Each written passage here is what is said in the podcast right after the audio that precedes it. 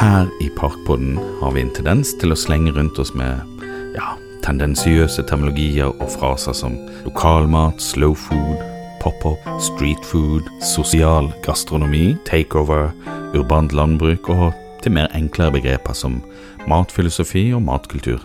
Men hva betyr alle disse ordene, og hvorfor bruker vi de, og hva er det som gjør de så kule?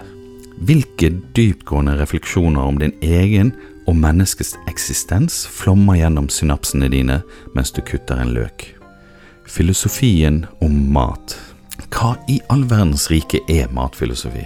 Kan man ikke lage mat uten å måtte sitere Heidegger og Kant over grytene, og hva er å dekonstruere en rett?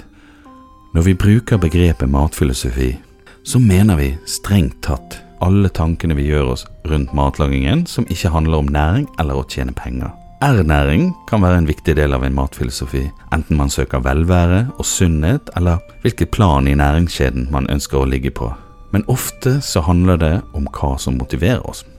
Som en sann kunstner ønsker kokken å formidle følelser og fortelle en historie, og virkemiddelet i fortellingen kan være ingrediensene og deres reise fra tilblivelse til tallerken. Økologisk, bærekraftig, snutete hale, fermenter, og ikke minst det mest positive ordet av de alle – lokalt.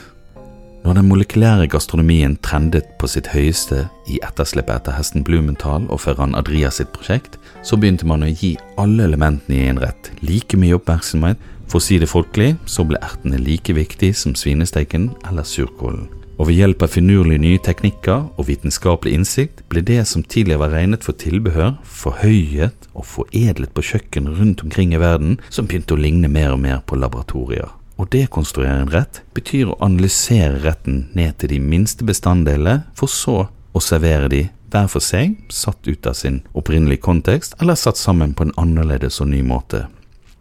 Finurlig og interessant, men også litt meningsløst, som skum.